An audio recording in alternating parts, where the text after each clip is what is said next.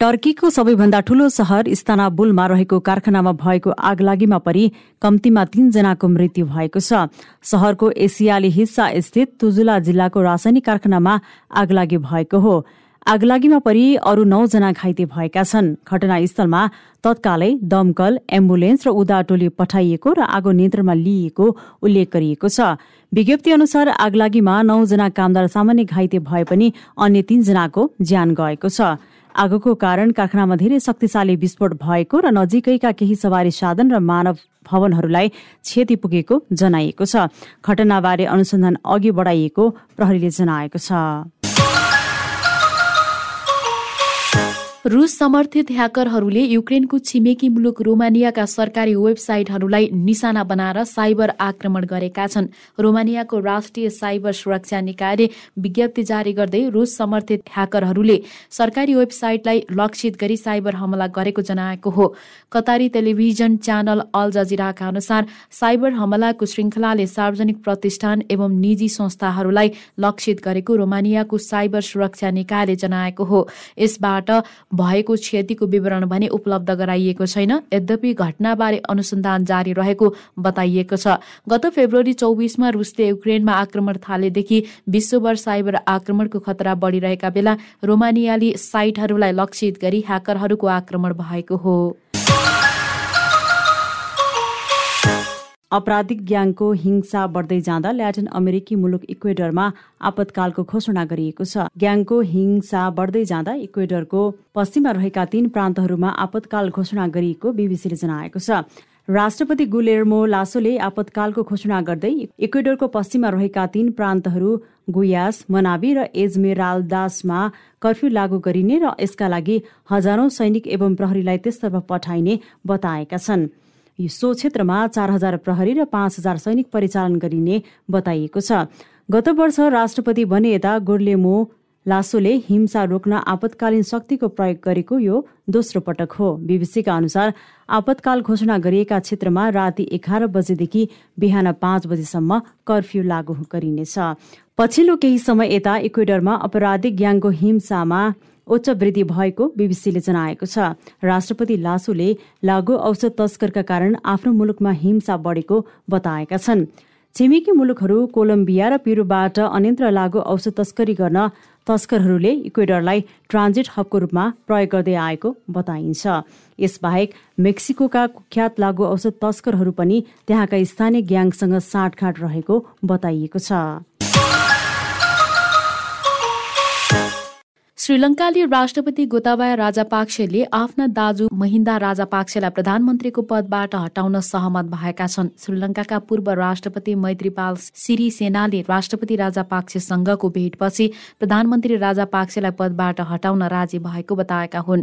अन्तर्राष्ट्रिय समाचार संस्था एपीका अनुसार यसका लागि संसदमा प्रतिनिधित्व गर्ने सबै पार्टीलाई समेटेर राष्ट्रिय परिषद गठन गर्न समेत राष्ट्रपति तयार भएका छन्। गोताबाया राजापाक्से अघि श्रीलङ्काको राष्ट्रपति राष्ट्रपति रहेका सिरिसेना सहित चालिस सांसदहरूले यही महिनाको सुरुमा सत्तारूढ गठबन्धन परित्याग गरेको घोषणा गरेका थिए।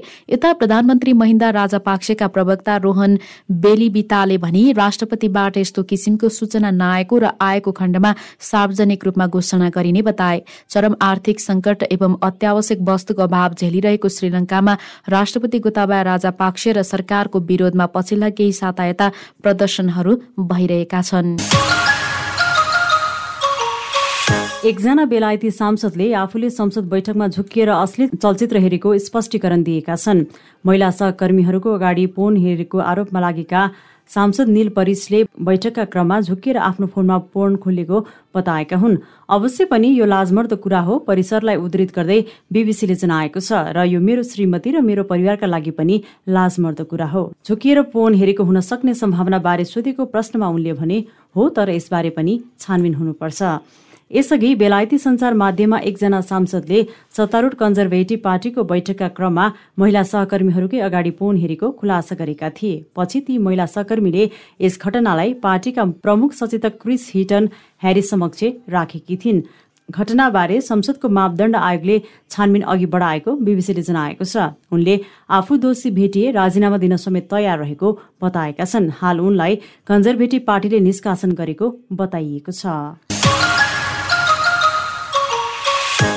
अमेरिकाले युक्रेनी फौजलाई तालिम दिन सुरु गरेको छ। अमेरिकी रक्षा प्रशासन पेन्टागनका प्रवक्ता जोन किरबीले युक्रेनी सैनिकलाई जर्मनीमा रहेको अमेरिकी सैनिक आधारमा तालिम दिन थालिएको जानकारी दिएका हुन्।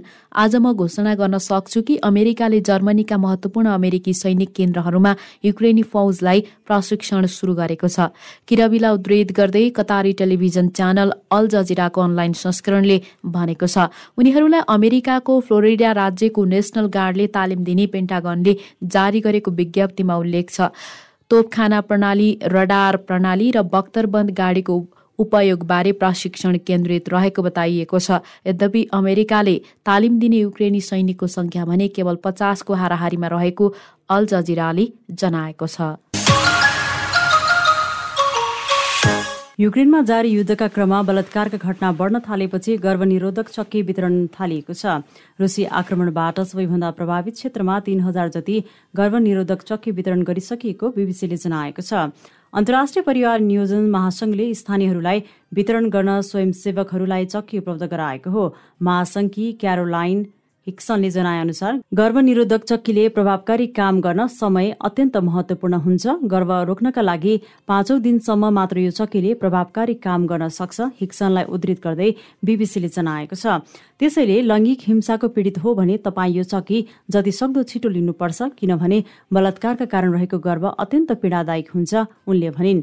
यसबाहेक यो संस्थाले गर्भपतन गराउने चक्की पनि युक्रेनतर्फ आपूर्ति गरेको बताइएको छ। यस्तो चक्की चौबिस सातासम्मको अनिश्चित गर्भधारणमा प्रभावकारी हुने बीबीसीले जनाएको छ। पछिल्लो समय रुसी फौजमाथि युक्रेनमा यौन र बलात्कारलाई युद्धमा हतियार बनाएको भन्ने आरोप लागिरहेका बेला गर्भनिरोधक र गर्भपतन गराउने चक्की वितरण गरिएको हो। संयुक्त राष्ट्र संघले अफगानिस्तानको राजधानी काबुलमा रहेको सुफी मस्जिदमा शुक्रबार भएको घटना विस्फोटको निन्दा गरेको छ। विस्फोटमा दसजनाको मृत्यु भएको छ भने पन्ध्रजना बढी घाइते भएका छन्। सहरको पश्चिममा दारुलमान क्षेत्रमा अवस्थित खलिफा साहिब मस्जिदमा भएको विस्फोट राजधानी र प्रान्तहरूमा सर्वसाधारणलाई निशाना बनाई भएका श्रृङ्खलाबद्ध आक्रमणहरूमा सबैभन्दा पछिल्लो घटना हो। संयुक्त राष्ट्रसंघको समाचारका निकाय युएन न्यूजका अनुसार स्थानीय अस्पतालहरूले धेरै हताहतीको आँकडा प्रस्तुत गरेका छन्। जसमा दर्जनौ मारिएका र घाइते भएका छन् तीमध्ये धेरै बालबालिका छन्। गैर सरकारी संस्थाद्वारा सञ्चालित एउटा अस्पतालले मात्रै बीसजना भन्दा बढी पीडितहरूलाई भर्ना लिएको थियो जसमध्ये दुईजनाको मृत्यु भएको संयुक्त राष्ट्र संघले जनाएको छ। रमजानको पवित्र महिनाको अन्तिम शुक्रबार भएको विस्फोट अफगानिस्तानका जनताका लागि अर्को पीडादायी प्रहार हो जो निरन्तर असुरक्षा र हिंसाको सामना गरिरहेका छन्। अफगानिस्तानमा संयुक्त राष्ट्रसंघ मानवीय संयोजक रमिज अलकबारोभले एक विज्ञप्तिमा उल्लेख गरेका छन्। आफ्नो दैनिक रोजीरोटी प्रार्थना विद्यालय वा बजार जाँदा वा कामको बाटोमा जाँदा नागरिकहरूलाई अन्धाधुन्ध रूपमा निशाना बनाइनु अनुचित हो उनले थपे। यसअघि बिहिबार उत्तरी अफगानिस्तानको मजार ए शरीफ सहरमा दुईवटा मिनी बसहरूमा भएका छुट्टा छुट्टै विस्फोटमा नौजनाको मृत्यु भएको थियो। घटनामा अरू पन्ध्रजना घाइते भएका थिए। अल कबारोबले नागरिक र मस्जिदहरू लगायत नागरिक पूर्वाधारहरू विरुद्ध प्रत्यक्ष आक्रमण गर्न अन्तर्राष्ट्रिय मानवीय कानूनले कडा रूपमा निषेध गरेको पनि स्मरण गराएका छन्। र पाकिस्तानमा अज्ञात बन्दुकधारीले प्रहरी अधिकारीको हत्या गरेका छन्। पाकिस्तानको दक्षिणी बजिरिस्तान जिल्लाको प्रशासनिक केन्द्र वान सहरमा प्रहरी उपरीक्षकको हत्या भएको हो। हत्या भएका प्रहरी उपरीक्षकको नाम असलम जावेद रहेको पाकिस्तानबाट प्रकाशित हुने डन अखबारले जनाएको छ। अखबारका अनुसार रमजानको व्रत तोडेपछि बाटोमा हिँड्दै गर्दा उनीमाथि अज्ञात बन्दुकधारीले गोली प्रहार गरेका थिए।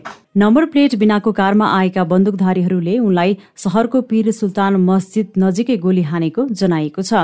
घटनास्थलमै उनको मृत्यु भएको डनले जनाएको छ। चिकित्सकहरूका अनुसार उनको टाउकोमा दुई गोली लागेको थियो। घटनाको थप अनुसन्धान भइरहेको प्रहरीले जनाएको छ। पाकिस्तानमा पछिल्लो समय हिंसात्मक घटना बढ्दै गइरहेको बताइन्छ।